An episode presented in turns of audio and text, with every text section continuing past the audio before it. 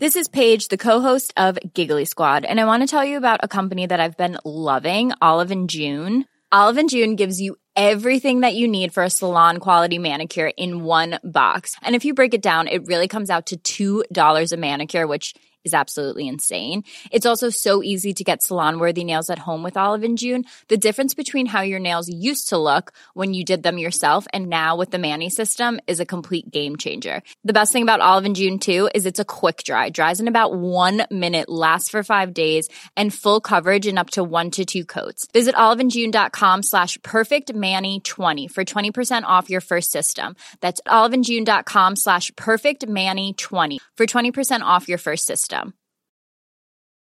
It's that time of the year. Your vacation is coming up. You can already hear the beach waves, feel the warm breeze, relax, and think about work. You really, really want it all to work out while you're away. Monday.com gives you and the team that peace of mind. When all work is on one platform and everyone's in sync, things just flow wherever you are. Tap the banner to go to Monday.com. Ready to pop the question? The jewelers at BlueNile.com have got sparkle down to a science with beautiful lab grown diamonds worthy of your most brilliant moments. Their lab grown diamonds are independently graded and guaranteed identical to natural diamonds, and they're ready to ship to your door. Go to BlueNile.com and use promo code LISTEN to get $50 off your purchase of $500 or more. That's code LISTEN at BlueNile.com for $50 off. BlueNile.com code LISTEN. Då har vi inspelningen igång. Så ja, åklagaren kan väl börja ställa frågor. Det här är Nyans, feministisk true crime med Kajan, Hanna och Paula.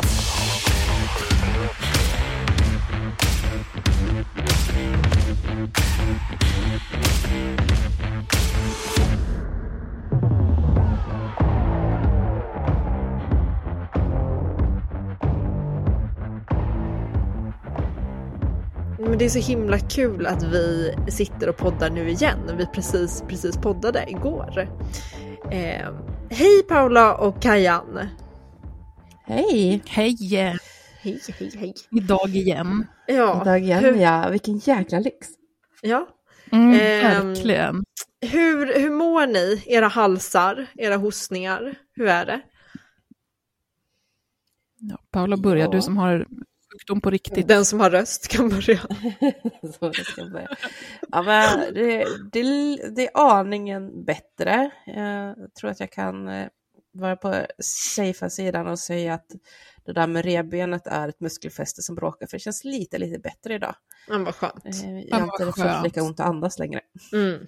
Det är positivt. Du då Kajan, du, du, du super tänkte jag säga. Men du kurglar bourbon. Ja, en liter, eller hur var det? Ja. Eh, nej, men, ja, men det har börjat bli lite, jag sa det till er innan vi började spela in, jag håller på att öva på att bli en, en whiskydrickare. Jag, inte, jag tycker att det passar in i min persona som jag Ja. föreställer mig på något vis. 100 Eh, procent. så att nu, det är bara att börja, det är bara att börja jobba. Vissa gör som du, Hanna, och jobbar för att springa någon maraton eller något. En annan småsuper på kvällarna. Bygga upp en tolerans. whisky. Jajamän. Men det är bra. Så det gör jag, blandat med lite julmust. Jag, kommer gå upp i målbrottet lite ibland, jag hör, min röst spricker lite då och då. Mm.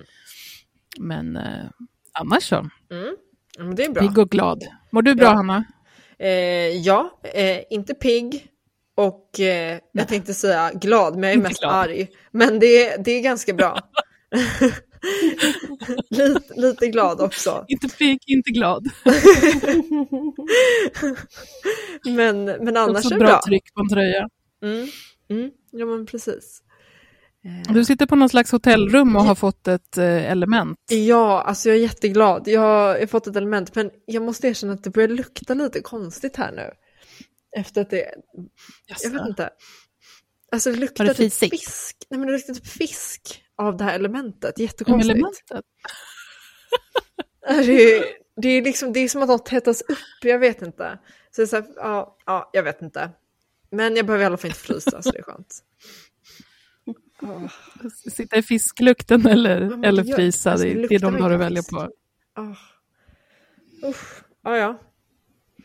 Mm, vi får höra om du tuppar av här framöver. Ja, då har det läckt ut någon gas säkert. Om jag blir bara tyst. Så tro inte att det är Zencaster som bråkar, då får ni liksom ringa 112 direkt. Vi bara försöker starta om här flera Ja, gånger. bara, nej, ja, ja, vi kör imorgon istället. Usch vad hemskt. Ja. Hörrni, vi, eh, vi ska ju masta igång med den här skiten. Ehm, och det ska vi säga redan nu att det här är ett mastodont eh, avsnitt som kommer att bli två avsnitt. Eh, Tänker jag att vi kan säga Mm. lika bra nu för att det vi ska prata om är eh, fallet Katrin da Costa. Och ja, men ska vi dra igång på en gång eller? Vi kör tycker jag. Vi kör på.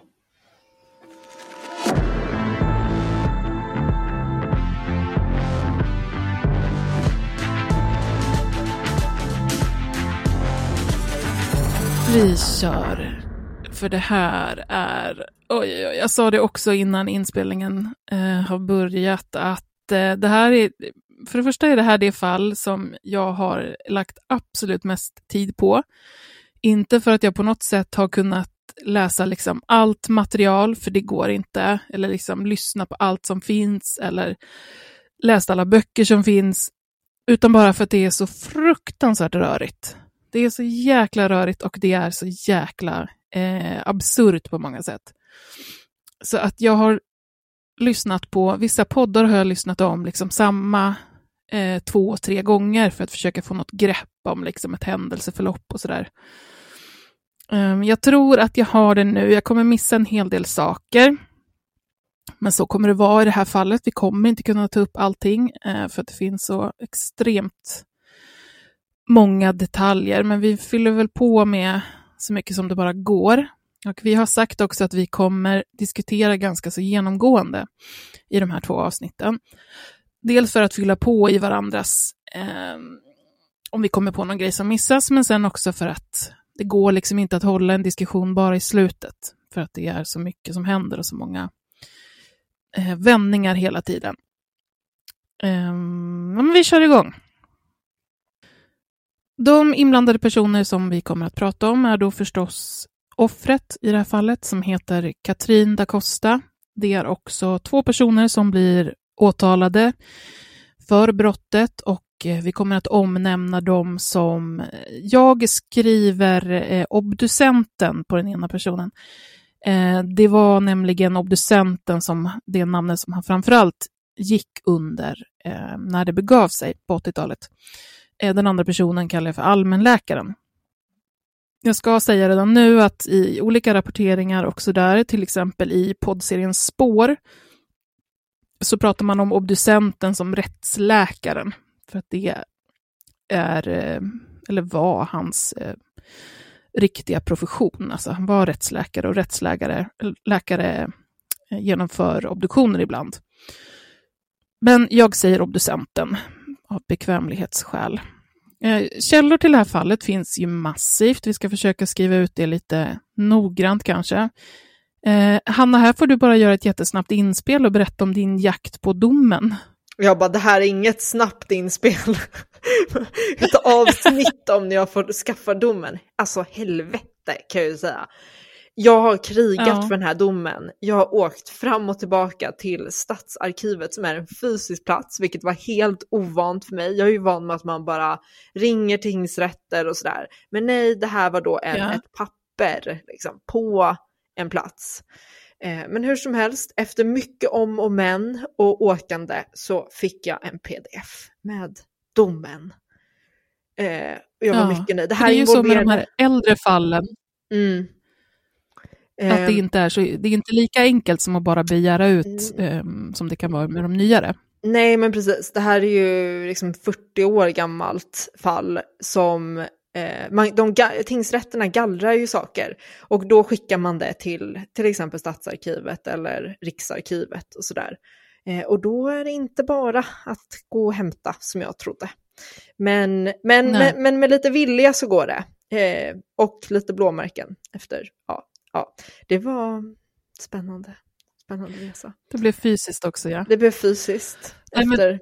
Sån jäkla kämpe du är, alltså. Det var ju helt avgörande för att vi skulle kunna titta på det här, att vi faktiskt hade den här domen.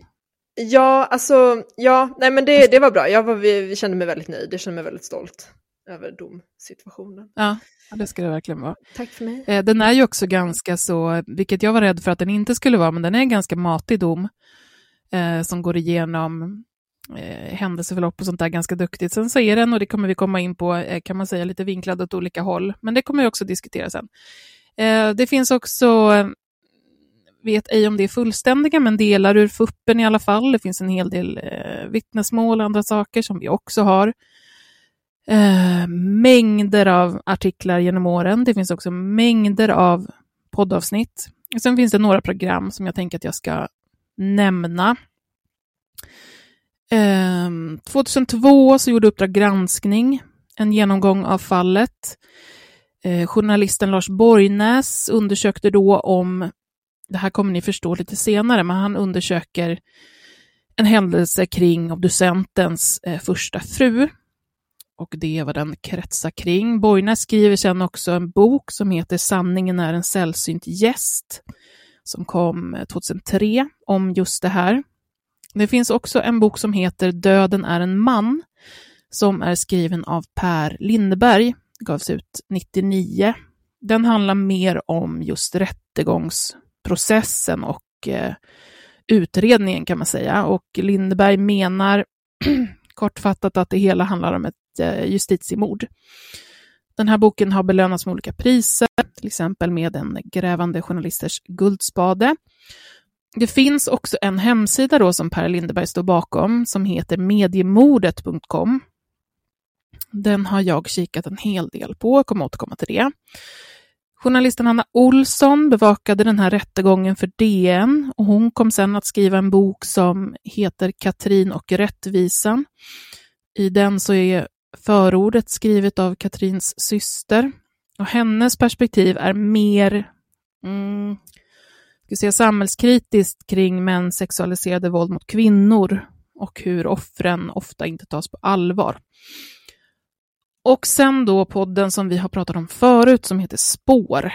En eh, granskande journalistik i poddformat helt enkelt. Som har gjort det här fallet tidigare men som nu också släpper upp det fallet med, jag tror att det är ett avsnitt i veckan.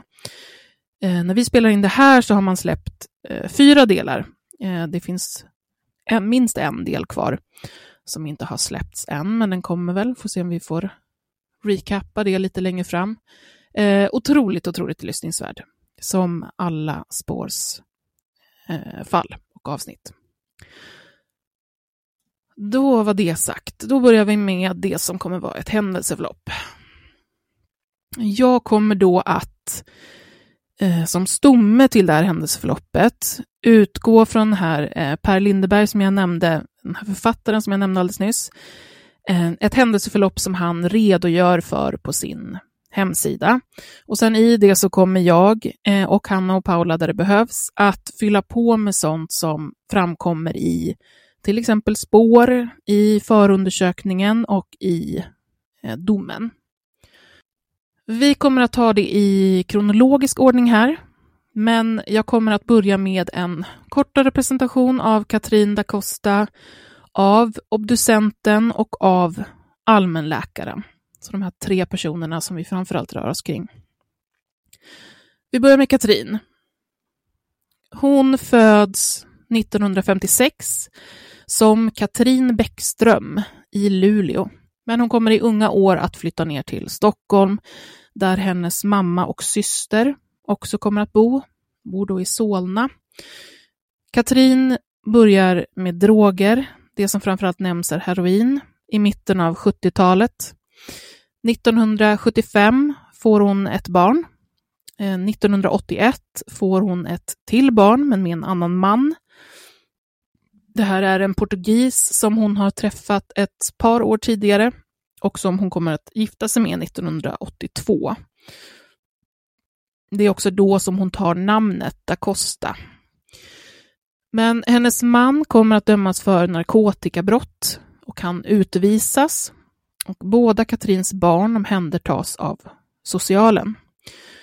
Katrin är prostituerad. Hon är en, en känd eller välkänd gestalt runt Malmskillnadsgatan i Stockholm. Poliser känner även igen henne från eh, droghandeln på Plattan, där hon eh, ofta tillsammans med eh, andra personer från Malmskillnadsgatan liksom behövde eh, gå omkring. Katrin har inget eget boende under början av 80-talet, utan hon bor då på eh, härbergen, hon bor hos vänner och hon bor eh, bitvis hos olika torskar. Hennes tillvaro kretsar mycket kring det här heroinberoendet, som så ofta är. Polis som jobbar på centralstationen i Stockholm känner också igen henne som en av de eh, hemlösa personer som förvarar ägodelar i, i skåp på centralen. Sådana skåp som man då på den tiden pluppade i några mynt i och så kunde man hålla det låst där. Katrin kommer att ses i livet sista gången den 10 juni, som är pingstdagen 1984. På pingstafton sker hennes sista betalning för skåpet där hon har sina ägodelar. Innan hon försvinner så har hon pratat med en vän om att hon vill komma bort från gatan. Hon vill skaffa sig ett jobb och hon vill börja jobba för och kämpa för att få tillbaka vårdnaden för eh, sina två barn. Men hon hinner alltså försvinna. Och eftersom Katrin reste bort ibland, hon reste ibland till Portugal, där alltså pappan till hennes ena barn bodde, så är det ingen som riktigt reagerar på att hon saknas. Man tror helt enkelt att hon har rest iväg och hennes försvinnande anmäls inte. Allmänläkaren då. Han är född 1949. Han börjar läsa medicin i januari 1978. 1983 är han färdig läkare. Han lär känna sin fru 1972 och de gifter sig 1982. Året efter så föds deras dotter och samtidigt som det, eh, i samma vända där, så flyttar paret till en lägenhet på Kungsholmsgatan i Stockholm. I augusti 1984 så börjar allmänläkaren sin AT-tjänstgöring i Allingsås. Eh, det här pratar han om har varit planerat sedan innan och det har varit eh, planerat att hans fru och dotter skulle flytta med, men så blir det inte, utan de bor kvar på Kungsholmsgatan i lägenheten. Vi kommer att gå in på mer varför eh, senare. Och så är vi då framme vid obducenten. Som jag sa så är ju obducenten alltså rättsläkare och rättsläkare gör obduktioner bland annat. Han är född 1954. Han börjar läsa medicin 1973. Han arbetar först på rättsläkarstationen i Solna eh, och efter det så gör han sin AT-tjänst på Södersjukhuset. 82 så blir han färdig läkare. Då får han sin licens. Han återvänder då till rättsläkarstationen och tar tjänst där. Ehm, om det så kan man läsa i domen så här. I sin tjänst har han utfört ett stort antal obduktioner, bland annat 250 elevobduktioner inför sammanlagt omkring 4 000 studerande och utfört olika forskningsarbeten, bland annat, så vitt här kan vara av intresse, om vilka skador som uppstår vid strypmord och om obduktionsfynd hos intravenösa drogmissbrukare. Och varför tycker man då att det kan vara intressant? Jo, obducenten gifter sig 1976 och 1982 så bor han fortfarande med sin fru, men de har eh, separerat som par. 1982 så dör hans fru. Det är till följd av att hon hänger sig själv i hemmet. Och det är obducenten själv som upptäcker det här och som eh, ringer polisen. Obducenten kommer senare att träffa en ny kvinna som han flyttar ihop med och får ett barn tillsammans med. Obducenten och allmänläkaren då, de lär känna varandra i maj 1980. Obducenten jobbar då på Södersjukhuset och allmänläkaren eh, går en kurs där. De har lite kontakt genom jobbet, inget särskilt. Och sen kommer de, som de uppger själva, att ses privat ett fåtal gånger. Till exempel så bjöd obducenten hem allmänläkaren en gång, 1981. 1982 så blev han och hans nya kvinna hembjudna till allmänläkaren och dennes fru. Um, under hösten 1982 så går allmänläkaren en kurs i rättsmedicin på den här rättsläkarstationen och där är han bland annat med som elev på en obduktion som obducenten håller för elever. Det vill säga man, man genomför, som lärare genomför man en obduktion på, en, på ett, eh, en riktig kropp, ett riktigt lik, för att eh, elever ska kunna vara med eh, och genom det lära sig. Eh, efter det här så uppger de båda att de inte har setts förrän den här förundersökningen drar igång. Och det kommer vi komma till. Den här hängningen då, det här självmordet som obducentens fru begår, det kan man säga blir den första i en rad händelser som vi kommer att röra oss kring. Frun är bara 34 år när hon hittas avliden i lägenheten på Söder. Det är obducenten som hittar henne som sagt och det finns vittnesmål som eh, kan vittna om att han blev väldigt eh, medtagen av det här.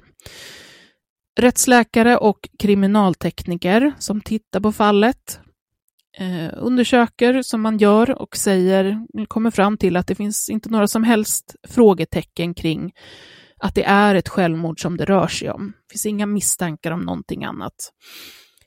Eh, den här fruns vänner ska också ha berättat att hon har pratat om självmordstankar tidigare och även att hon har försökt ta livet av sig någon gång tidigare.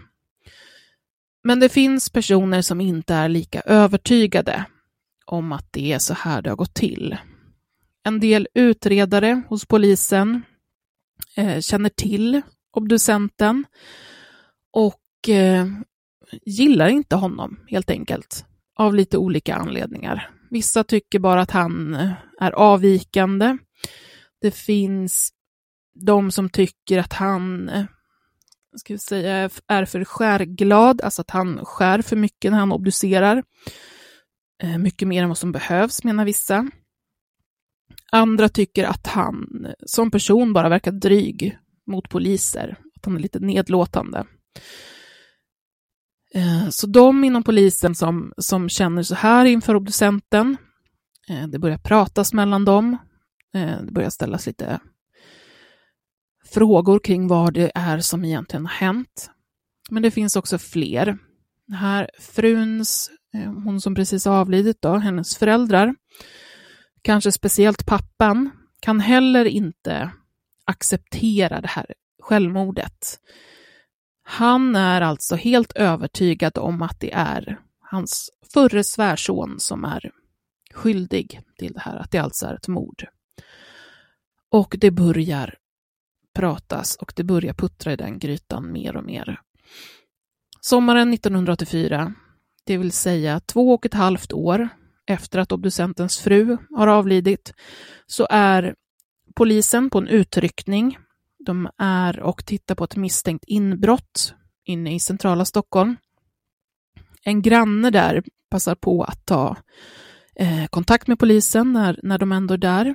Han vill berätta någonting han vill berätta att han har sett en svart sopsäck vid eh, Talludden under Essingeleden.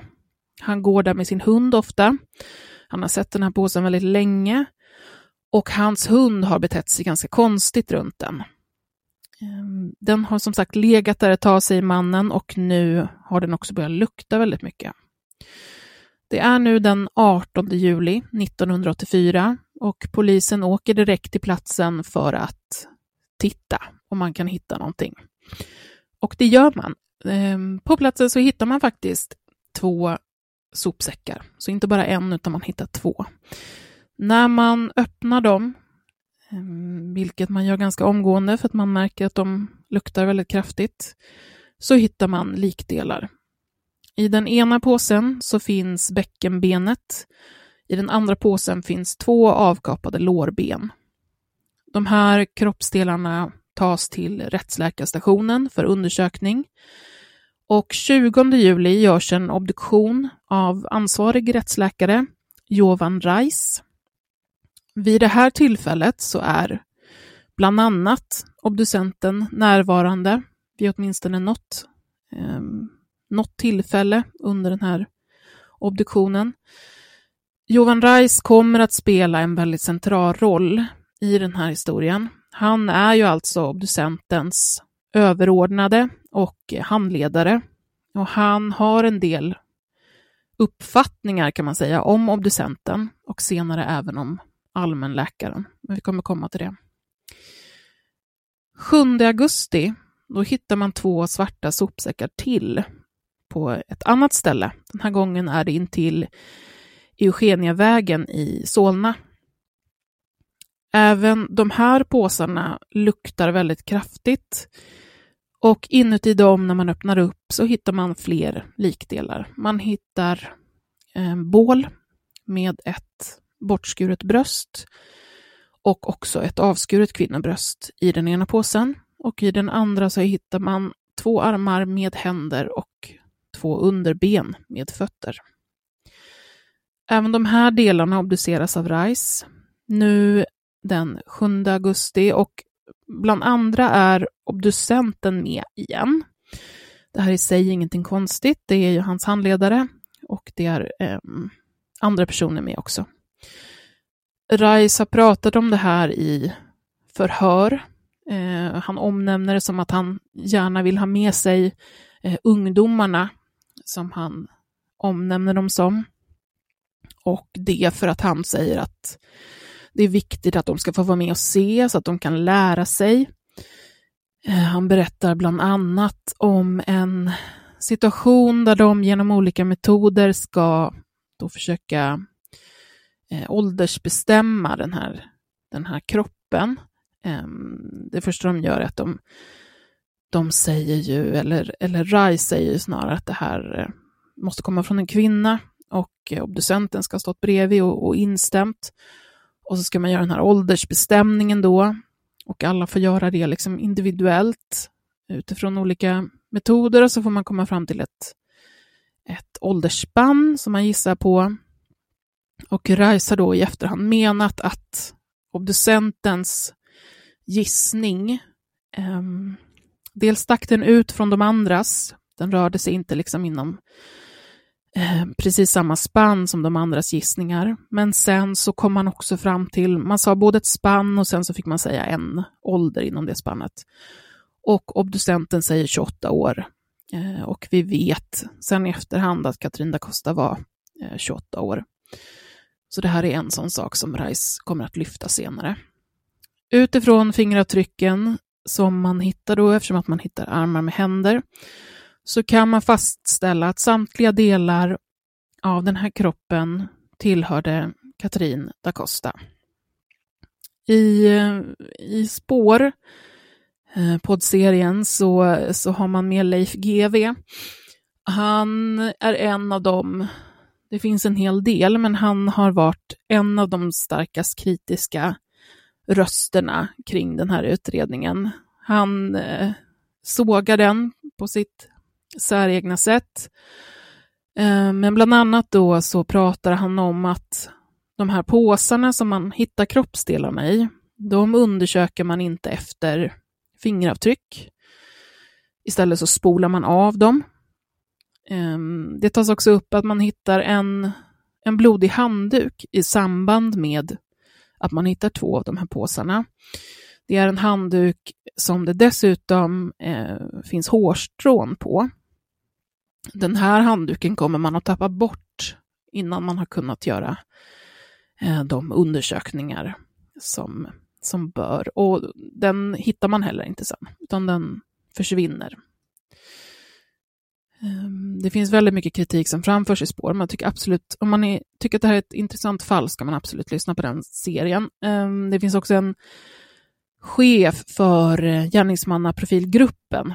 Han stack också ut väldigt mycket och kritiserade den här, den här utredningen som han tyckte var uppåt väggarna.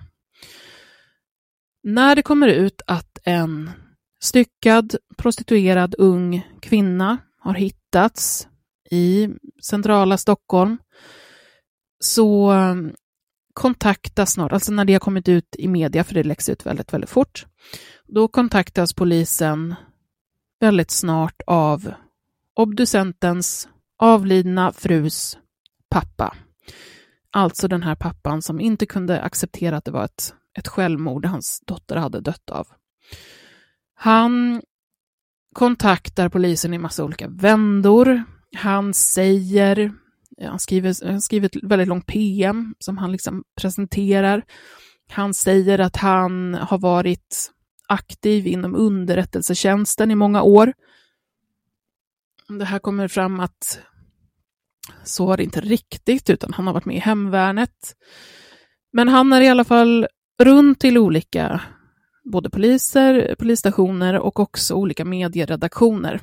Han bedriver ett ganska saftigt påverkansarbete helt enkelt. Och han säger då, när den här nyheten om att man har hittat en, en prostituerad kvinna styckad, så säger han att obducenten, det vill säga hans före detta svärson, har haft kontakt med prostituerade och han säger också att han tror att det är obducenten som har mördat Katrin, men som då också har mördat hans egen dotter några år tidigare.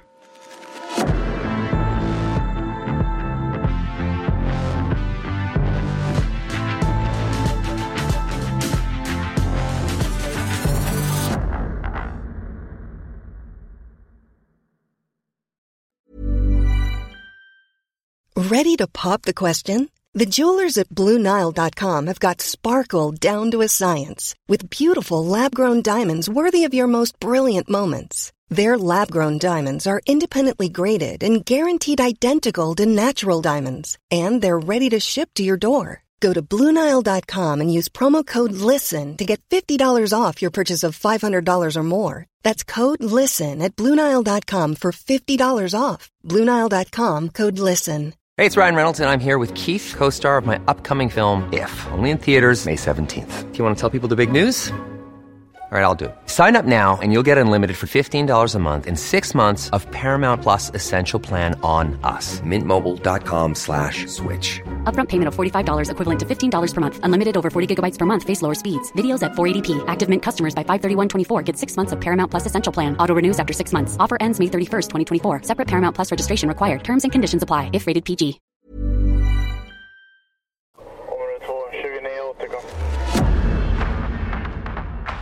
Nyans, feministisk true crime med Kajan, Hanna och Paula.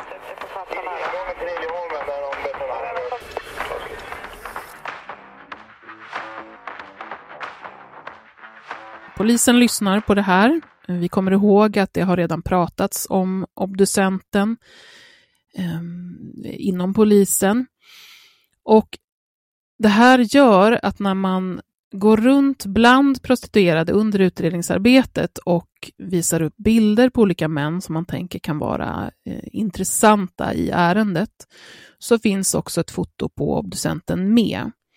Hur den här bilden hanteras är lite oklart, men enligt eh, Per Lindeberg då, det vill säga han som har skrivit den här prisbelönta boken, så kommer det att bli tydligt, eller för, alltså det kommer bli uppenbart för de prostituerade att det här är den som polisen har som huvudmisstänkt. Vissa av dem tycker sig då också känna igen obducenten på bilden. En del säger sig också ha haft honom eh, som kund. I slutet av november 1984 så är Rice klar med sitt obduktionsutlåtande. Flera veckor tidigare, alltså innan det, så har han fått höra att hans doktorand, och eh, obducenten, pekas ut av polisen som torsk, som sexköpare. Det här är det polisen som berättar för honom. Han får också veta om brottsmisstankarna. Eh, det var inte ett brott på eh, 84 att köpa sex, ska vi säga. Så han får också veta om brottsmisstankarna, alltså det som man tänker att obducenten eventuellt kan ha gjort. Och det var inte bara Rice som visste om det här, det var också flera på rättsläkarstationen som fått veta om de här misstankarna mot deras kollega. Men obducenten själv hade inte blivit informerad. Ehm, det finns olika personer också som berättar om att obducenten reagerar på att det är något konstigt. Om han jobbar med ett, ett fall och ska göra en rapport och han tycker inte att han får liksom, han får inte rätt information och man vill inte berätta så mycket för honom om man hanterar allting annorlunda, så han märker av att det är något. Men han kan förstås inte gissa vad det är. Det är här någonstans som Rice kommer att börja bli väldigt aktiv i att eh, obducenten nog är skyldig ändå. Och inte bara till det här mordet på Katrin, utan möjligen till flera andra kvinnomord. Han gör flera skrivelser, men han gör en bland annat där han omnämner obducenten som troligen nekrofil och då också som potentiellt seriemördare utan några eh, belägg att visa upp. I spår så kan man också höra honom säga i ett polisförhör, han säger så här, om ni inte får honom fast, då får ni gärna hänga er allihopa. Han är helt enkelt väldigt säker på sin sak. Per Lindeberg menar då att det här att Rice är väldigt säker på att obducenten är skyldig, att det syns i obduktionsrapporten. Och det är på så sätt att den är skräddarsydd för att obducenten ska kunna passa in i den här beskrivningen som blir av en, av en gärningsman. Och, och, det här är alltså trots att det saknas kroppsdelar. Det saknas hals och huvud till exempel. Och ingen dödsorsak kan fastställas. Trots det så spekulerar Rice ganska så saftigt kring framförallt tre olika dödsorsaker som har med eh, våld mot huvudet att göra, som har med strypning att göra. Eh, jag tror att det också är något annat våld mot halsen, om det är något stick mot halsen. Och de här sakerna eh, resonerar han alltså kring utan att de kroppsdelarna ens eh, finns eller har hittats. Så här kan man läsa i domen då när man resonerar kring det. I fråga om orsaken till Catrina Costas död anser Socialstyrelsen sammanfattningsvis att den inte kunnat fastställas. Att det faktum att den döda kroppen styckats starkt talar för att hon bragts om livet, men att andra dödssätt, förgiftning, olyckshändelse, självmord, sjukdom, inte kan uteslutas. Och sen så går man också in då lite grann på vad det är Rice har menat eller pekat på i sitt obduktions obduktionsutlåtande. Det Rice helt enkelt säger i obduktionsutlåtandet är att helhetsbilden, det han kan se genom obduktionen, är att den här styckningen domineras av grov överdrift. Eh, och det, vad menar han med det? Jo, men han menar att kroppen är inte bara liksom styckad av praktiska skäl. Det tas till exempel då exempel med att eh, bröst har skurits bort och så. Och det här anser han tyder på att Eh, både mordet och styckningen genom, genomförts av person eller personer med sadistiska och nekrofiliska böjelser. Styckningstekniken går han också igenom och det är det här som Per Lindeberg menar blir väldigt eh, ska säga, eh, talande för att han, att han vill att det ska pekas åt ett visst håll, nämligen obducentens håll. När han går igenom det så, så, så talar han både för att, att det finns en tydlig yrkeskunskap och en tydlig skicklighet och en, eh, tydlig kunskap om, om eh, anatomi. Och sen så finns det andra delar som inte alls pekar på så stort kunnande, men, men han, Rice kommer ändå att liksom sammanfatta det här med att det här pekar tydligt på att det är en person med eh, ska jag säga, kirurgiskt kunnande eller erfarenhet av obduktioner och så. Här kan man se att, att eh, Leif GW har, säger väldigt kortfattat i, i spår, att eh, han säger att det här är en, en väldigt tydlig ensidig styckning. Och med det så menar han att man kan se på snitten att de bara har genomförts från ett håll. Alltså man har inte rört sig runt kroppen utan man tänker att det är en sån ska säga, badrumsstyckning där man har ett väldigt litet utrymme och kanske har en kropp i ett badkar eller ett duschutrymme och då eh, tvingas stycka upp den liksom från ett och samma håll. Och det här menar han att man kan se väldigt tydligt. Eh, det Rai säger då är ju det raka motsatta, kan man egentligen säga. Polisen tycker, framförallt då i och med den här obduktionsrapporten, att de får mer och mer att gå på. Och i december 1984, utan att man har några bevis, utan mest indicier, så grips obducenten. Och han grips på rättsläkarstationen och han grips framför sina kollegor en måndag morgon. Samma dag så går man ut med den här informationen att en rättsläkare har gripits misstänkt för mordet. Det går man ut med eh, i media. Och nyheten att en av polisens egna rättsläkare har gripits för det här styckmordet på en prostituerad slås upp stort. Per Lindeberg igen då menar att det är här som eh, mediemyten om obducenten byggs upp och börjar spridas.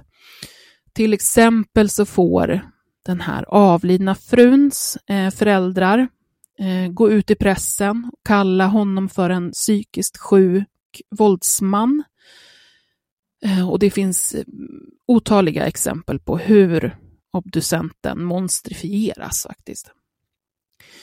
Någon som ser de här rapporteringarna i tidningarna är allmänläkarens fru hon har ju träffat obducenten, jag kommer ihåg den här middagen som jag nämnde tidigare, och hon har en hel del historier om honom redan. Det mesta som hon påstår kommer då från allmänläkaren själv. Hon eh, menar till exempel att allmänläkaren ska kommit hem från den här, om ni minns, obduktionen som han medverkade på som elev, som obducenten genomförde. Och att allmänläkaren då kom hem till sin fru och berättade om den här obduktionen och hur eh, obducenten utan anledning eh, skar upp den här, det här likets pung på ett väldigt bisarrt sätt. Allmänläkaren själv dementerar det här eh, väldigt starkt. Han säger att han har aldrig sagt så till sin fru, att eh, obducenten skulle ha skurit upp någon pung bara för att.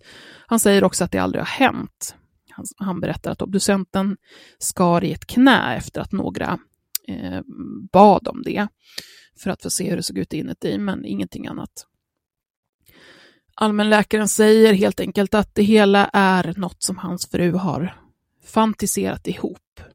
Så när hon ringer till honom och säger, har du sett att, att nu är obducenten gripen för mordet?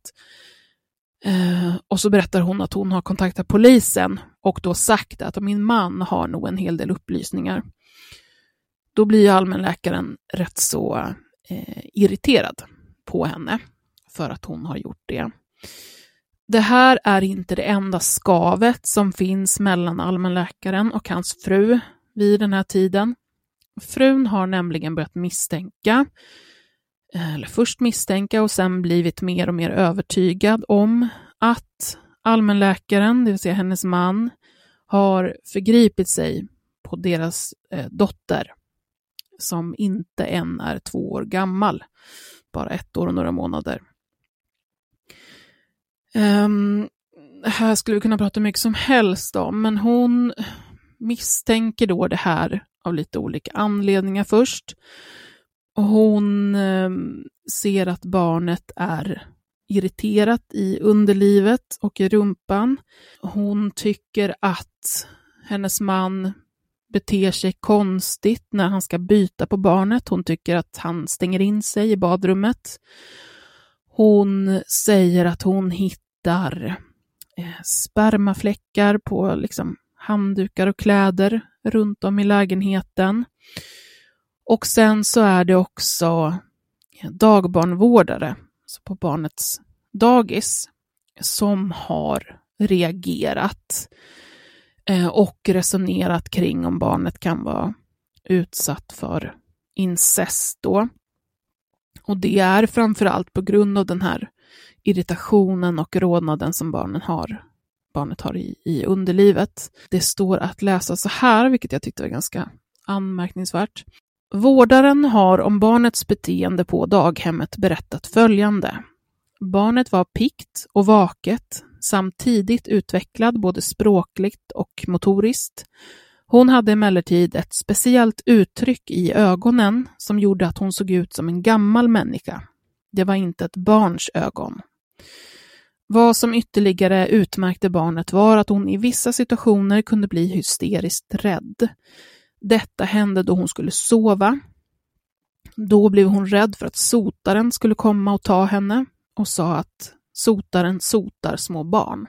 Det finns flera sådana här, ska vi säga, eh, situationer där barnet uttrycker eh, rädsla, men också enligt mamman då börjar eh, berätta saker och börjar säga saker som pappa har gjort. Och vi ska som sagt komma ihåg att barnet är väldigt, väldigt ungt. Men jag tänker ändå att jag tar några exempel här direkt från domen. När barnet bara var ett och ett halvt år gammal så gick hon vid ett tillfälle fram till allmänläkaren, det vill säga pappan som satt i fåtölj, eh, tog tag i hans gylf och sa suga pappas tutte. Eh, sådana här situationer har allmänläkaren till viss del ska vi säga, nyanseringar av. Eh, det här med suga pappas tutte, eh, säger allmänläkaren, eh, hörde till en situation där han hade pratat om att barnet skulle sluta amma. Eh, och det var en diskussion som fördes framför barnet. Och när, när barnet hörde det, att hon inte skulle få tutte från mamma längre, så hade hon sagt till pappa, eh, suga pappas tutte. Men det hade ingenting med något skrev eller någon gylf eller någonting att göra. Eh, och, och, så där ser det ut. Det finns hur många exempel som helst då. Det, det vi ska komma ihåg, för det här kommer vi ta upp mycket, är att de här sakerna då som barnet säger alltid går igenom eh, mamman. Det är mamman som återberättar vad barnet har sagt och det är mamman också som presenterar tolkningar av det mesta. Kommer som sagt komma tillbaka till det, men vi fortsätter så länge. Obducenten då som är inplockad eh, förhörs. Det genomförs eh, husransakan, men det kommer inget erkännande som polisen har hoppats på. Han förhörs här även om hans frus död. Eh, man frågar om det inte var så att det var han som mördade henne. Alltså trots att, man, att det här är utrett och man har kommit fram till att så inte var fallet, att det här var ett självmord, Eh, så förhörs han om det. Obducenten medger här att han har gått till prostituerade vid några tillfällen. Han vidhåller att eh, han har inte haft kontakt med da Costa. Efter fem dagar då, och det inte kommer något erkännande, så släpps han ur häktet. Och i samband med det så går åklagaren dels ut i media och kritiserar media för att man har eh, målat ut obducenten som skyldig i det här stadiet. Men han går också ut och, och bekräftar att misstankarna mot obducenten eh, kvarstår. Obducenten stängs som följd av det här av från sitt arbete. Allt hans arbete, inklusive hans doktorsavhandling, stängs ner. Vi är nu framme vid våren 1985. Nu är vi tillbaka på allmänläkaren då, hans dotter. Det finns tidiga undersökningar som visar att allmänläkarens dotter har haft problem med eh, blöjeksem, jag tror också med svampinfektion i underlivet.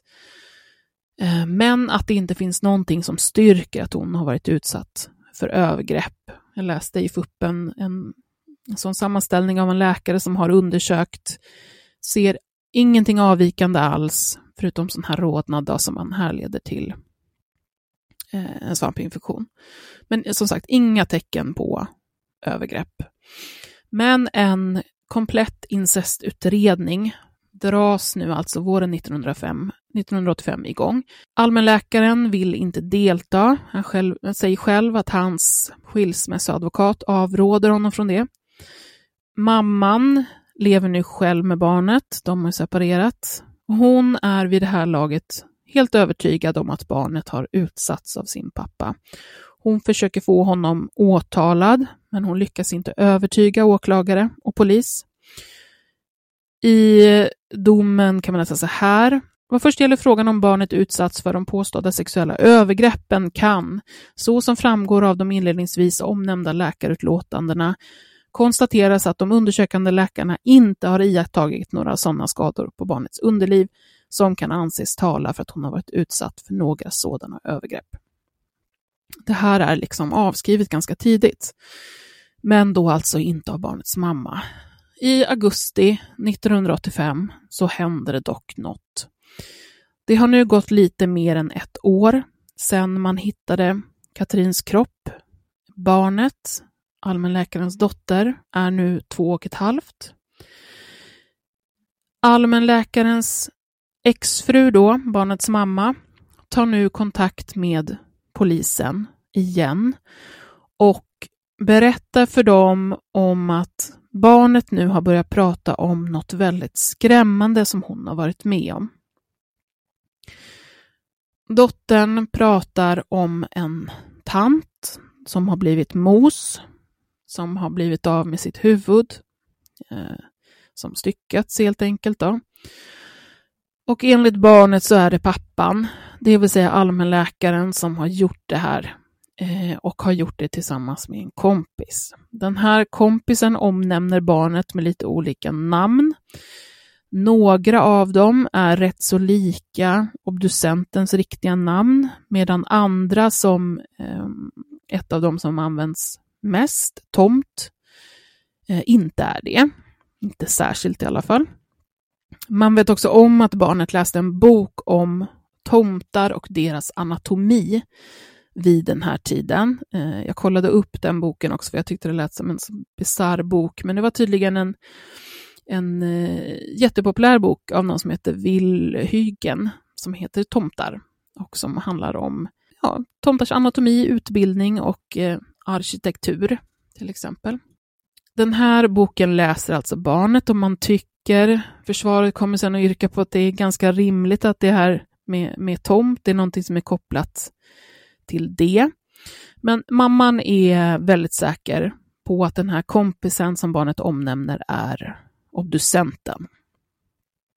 Barnet ska också ha pekat ut Katrin eh, på en bild i tidningen och på något sätt och kopplat samman henne med tanten, eller om det är mamman som kopplar samman henne med, med tanten. Mamma tror att det är Katrin da Costa som barnet pratar om som tanten. Katrin ska ha varit väldigt snäll mot barnet, berättar hon, stekt pannkakor bland annat.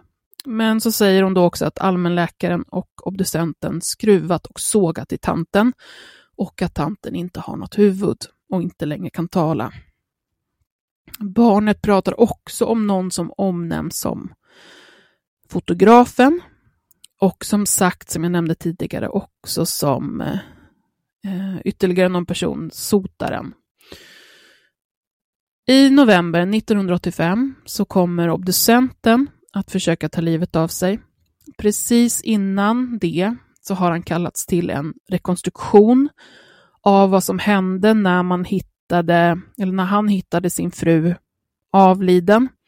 Han får vara med i det, i det huset och det hemmet. Man tar till och med dit den sängen som hans fru hängde sig på. Och han får visa hur han tog sig in i bostaden och sådär, för att de vill se att allt stämmer. Det hålls också flera polisförhör med honom.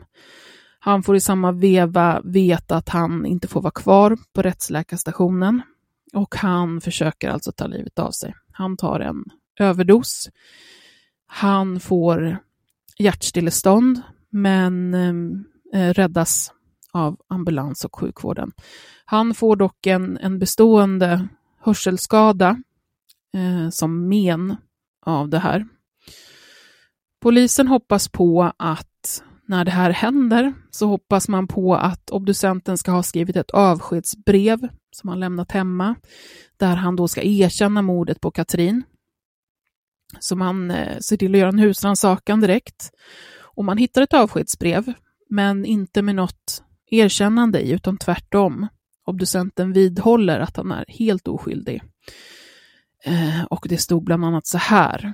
Ett justitiemord är begånget, men den sammantagna bördan är mig för tung. Allmänläkarens fru då, tillbaka till henne, det vill säga det här barnets mamma, fortsätter att ha tät kontakt med polisen och eh, berättar allt som hon menar då att dottern berättar för henne om mordet och styckningen på Katrin, som mamman då kommit fram till att det rör sig om. I samband med det så får samma barnpsykiatriker och barnpsykolog som utredde den här påstådda incesten, de som utredde den sista vändan ska sägas, får i uppdrag av polisen att under sträng sekretess utreda om barnet faktiskt har varit med när allmänläkaren och obducenten styckade Katrin da Costa. Så det är väldigt mycket hysch-hysch kring det här, men de ska utreda det. Samtidigt får också mamman en bandspelare av polisen för att spela in samtalen med dottern. Det kommer fram i olika förhör med mamman där hon liksom själv tillstår att, att hon ställer en del ledande frågor, att hon vet att hon ligger liksom steget före och vet var, var dottern vill komma eh, och att dottern med lite hjälp liksom till slut också kommer dit. Um, de här banden som mamman också spelar in med barnet, det är eh, sju band har jag för mig, upp till tio timmars inspelat material. Det här kommer åklagaren sen att mena eh, inte existerar. Han säger öppet i någon intervju att eh, ja, men vi hade inga vi hade ju inga bandinspelningar eller sånt med liksom användbart innehåll i som vi kunde använda oss av, så att vi fick ju lita på, vad, på det mamman sa, helt enkelt. Den barnpsykiatriska utredningen då som görs av de här två professionella eh, lämnas till polisen i januari 1986. Och i det så är psykologen och psykiatriken övertygade. De skriver tydligt att det här barnet har bevittnat styckningen av Katrin da Costa och de är också helt på det klara med att det är allmänläkaren och obducenten som har gjort det här tillsammans. Rättsläkaren Jovan Reis, eh, som ni minns, han är också övertygad om vem eller vilka det är som är skyldiga. Han menar att det här ska ha skett under pingsten 1984. Först i tidigare skede kommer åklagaren säga en, en specifik dag under den här pingsthelgen. Det här är någonting som kommer flyttas lite fram och tillbaka ut efter vad, vad utredningen pekar på, vilka eh, Eh, scenarion som liksom faller bort. Då flyttar man datumet eh, lite grann. Så till slut så säger man bara pingsthelgen där, 1984. 28 februari 1986 så händer ju någonting som vi vet. Olof Palme eh, mördas. Polisens alla resurser måste läggas på statsministermordet och styckmålet läggs mer eller mindre på is. Sommaren 1986 så beslutar också kammaråklagaren att lägga ner förundersökning, förundersökningen mot obducenten. Då är han av med alla sina jobb, alla sina uppdrag. Han har sin hörselnedsättning som alienerar honom ännu mer från omvärlden. Allmänläkaren har ju ännu inte delgivits misstanke om att ha begått ett styckmord. Så han eh, jobbar på som läkare vid den här tiden. Men i augusti 1986 så tar allmänläkarens exhustru, eh, barnets mamma, kontakt med polisen igen. Hon är irriterad över att ingenting händer. Hon eh, förstår inte varför de inte har ingripit mot allmänläkaren än. Och nu berättar hon att hennes dotter har sagt att pappan och obducenten till exempel har eh, stuckit ut och ätit ögon och druckit blod. Det kommer också fram en, eh, fler saker som har med säga, ritualmord att göra, som, som dräkter och sådär. Det hinner gå ett år innan allmänläkaren och obducenten grips. De grips hösten 1987. Eh, det är ganska spännande att läsa delförhör med dem.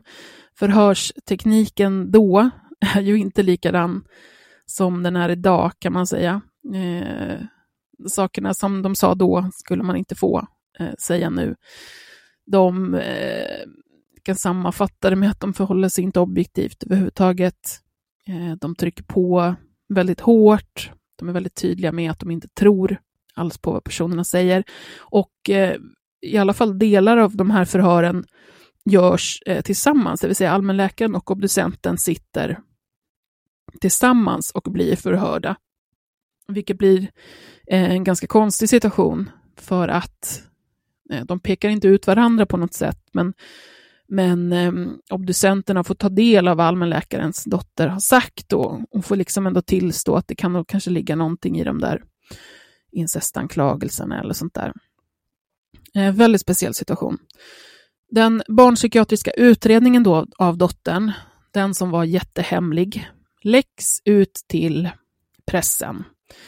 Expressen går ut med det som barnets berättelse. Eftersom barnet har pratat om den här personen Eh, som hon då ska kalla fotografen, så skriver man också i pressen att polisen har sökt efter fotografier som man då tror kan ha tagits vid tillfället för styckningen. När man går ut med det här så börjar flera vittnen att höra av sig. Bland annat då så hör ett, ett par av sig. De är fotohandlare, har en fotobutik där de bland annat då framkallar bilder. Och den 21 juni 1984 så berättar de om att det har kommit in en man eh, som har sagt sig eh, jobbat för eh, polisen, att, det är, att han har en film som ska framkallas, att det är extremt hemligt, det får inte komma ut på något sätt. Eh, han lämnar in den här rullen och eh, det visar sig vara bilder då på en, en eh, uppskuren kropp en, en styckad kropp. Den här mannen kommer tillbaka och ska hämta ut de här bilderna. Han beter sig ganska otrevligt mot det här paret. Han är ganska mästrande. Han står också och skrattar lite och sådär. Det här paret kommer att peka ut, det är jätterörigt, de, de pekar först ut obducenten Eh, sen så ändrar det sig eh, för att de kommer på att det är allmänläkaren då som, de, eh, som har varit där och lämnat filmen. Däremot så säger de att det har förekommit en, man kan se en person på de här bilderna som står då vid den här kroppen. Mannen säger att man bara ser överkroppen på den här personen, eh, kvinnan i paret då säger att man kunde även se ansiktet och hon menar att hon kunde se då att det var, det var obducenten på bilderna. Ehm, de här, det här går man igenom ganska saftigt i, i spår också och de här vittneskonfrontationerna som man gör har, eh, vi kan säga att de har en hel del, eh, en hel del eh, brister. De här bilderna, fotografierna återfinns heller inte alls än, Men åklagarsidan kommer att ta det här tillsammans med barnets vittnesmål som eh, de starkaste bevisen. mot att de här två personerna då alltså har mördat och styckat eh, Katrin. Vi är strax klara, hörni. Håll ut. Ehm, det, fin det kommer också in mer, ju mer media skriver om det här, desto fler vittnen kommer in och vi ska komma ihåg att nu har det gått ett bra tag sedan. Um, ehm, till och med man hittade Katrin och ännu längre sedan då som hon uh, blev styckad. Det finns till exempel ett vittne som säger sig ha sett två män och en barnvagn utanför Karolinska institutets rättsläkarstation där man då menar att styckningen ägt rum och det menar man bland annat då utifrån de här bilderna som det här fotohandlarparet beskriver där man tycker att det låter som att det kan vara en, en då sal där på, eh, på stationen. Um, ja, den här, det här vittnet då, det är en kvinna som är ute och går med sin hund och hon säger att de har sett de här två, två männen och en barnvagn och hon har ett resonemang om att hon reagerar på att det, det var så fint väder och, och, barnets mamma hade nog inte tänkt att de skulle gå in på, på, den, på Karolinska institutet där med barnet. De skulle nog vara ute i det fina vädret och, och ta en promenad. Um, det kommer sen fram saker som till exempel att det inte alls var fint väder den dagen, utan det regnade och var grått. Eh, hon hänger upp sitt vittnesmål på just det var just fint väder och det gjorde att hon reagerade på de här två männen och barnvagnen. Eh, obducentens fru menar också att, eh, att hon och obducenten har mött den här kvinnan som har rastat sin hund flera gånger. Och att det då i så fall är säkert är därför som det här vittnet känner igen eh, obducenten. Men det säger då vittnet att det har inte hänt, utan det var så här som, som hon mindes det. Sen kommer det några vittnen som kopplar samman obducenten med Katrina Costa på olika sätt. Det har varit ett återkommande problem för åklagaren att han har inte lyckats sammankoppla dem helt enkelt. Eh, men nu i det här sena skedet, alltså år efter, så kommer det fram vissa vittnen då. Ehm, det är då dels att Eh, man har sett obducenten med Katrin. Ehm, till exempel har man sett eh, ett vittne, som jag har för mig är polis också, som säger att ehm, man har sett ehm, obducenten och Katrin åka, åka tunnelbana. Det här avfärdar man sen, det här vittnesmålet, och flera andra också, som inte är jättetrovärdiga då.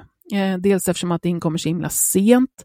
Det här eh, polisvittnet då har inte, eh, har inte sett Katrin mer än på en bild och det är mer än ett och ett halvt år efter den här händelsen då som, som hen påstår har sett de två tillsammans, vilket gör att man, man tycker inte att det känns sannolikt att, att hen skulle känna igen Katrin på det sättet.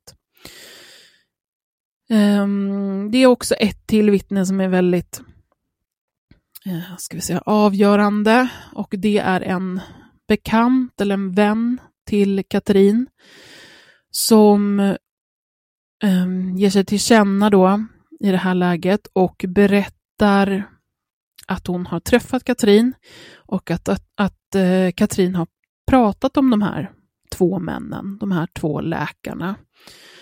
Och det är väldigt detaljerade och väldigt bizarra saker som, som den här vännen menar att Katrin ska ha sagt. Det är olika eh, sexuella eh, träffar.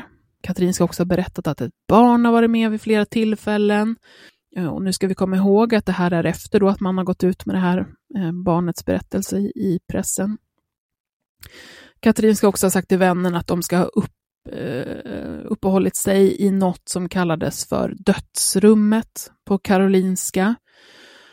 Och utifrån det här vittnesmålet då, som man tar för sant, ehm, det vill säga att Katrins kompis berättar att Katrin har sagt de här sakerna, så menar man då att då har det hänt. Utifrån det här eh, så bedömer man de här två männen som sexuellt avvikande. Det här syns också på flera andra ställen, då, framförallt vad det gör obducenten. Man hittar till exempel ganska tidigt i utredningen bilder på honom och hans eh, då nuvarande eh, partner. Eh, hemma hos dem, under husrannsakan, hittar man bilder på dem. Eh, på båda två avklädda och, eh, och liksom bundna under då någon, någon sexakt. Man hittar också någon, någon piska där hemma som sen visar sig vara den här partnerns ridpiska, hon höll på med hästar. Eh, men många sådana här saker då som gör att man menar att de här två männen är gravt sexuellt avvikande och till och med sadistiska på olika sätt. Redan innan rättegången börjar så publiceras dessutom flera av de här vittnesmålen i media. Och den första, och vi säger den första rättegången, startar i Stockholms tingsrätt i januari 1988. Bra jobbat Kajan, verkligen. Riktigt bra jobbat.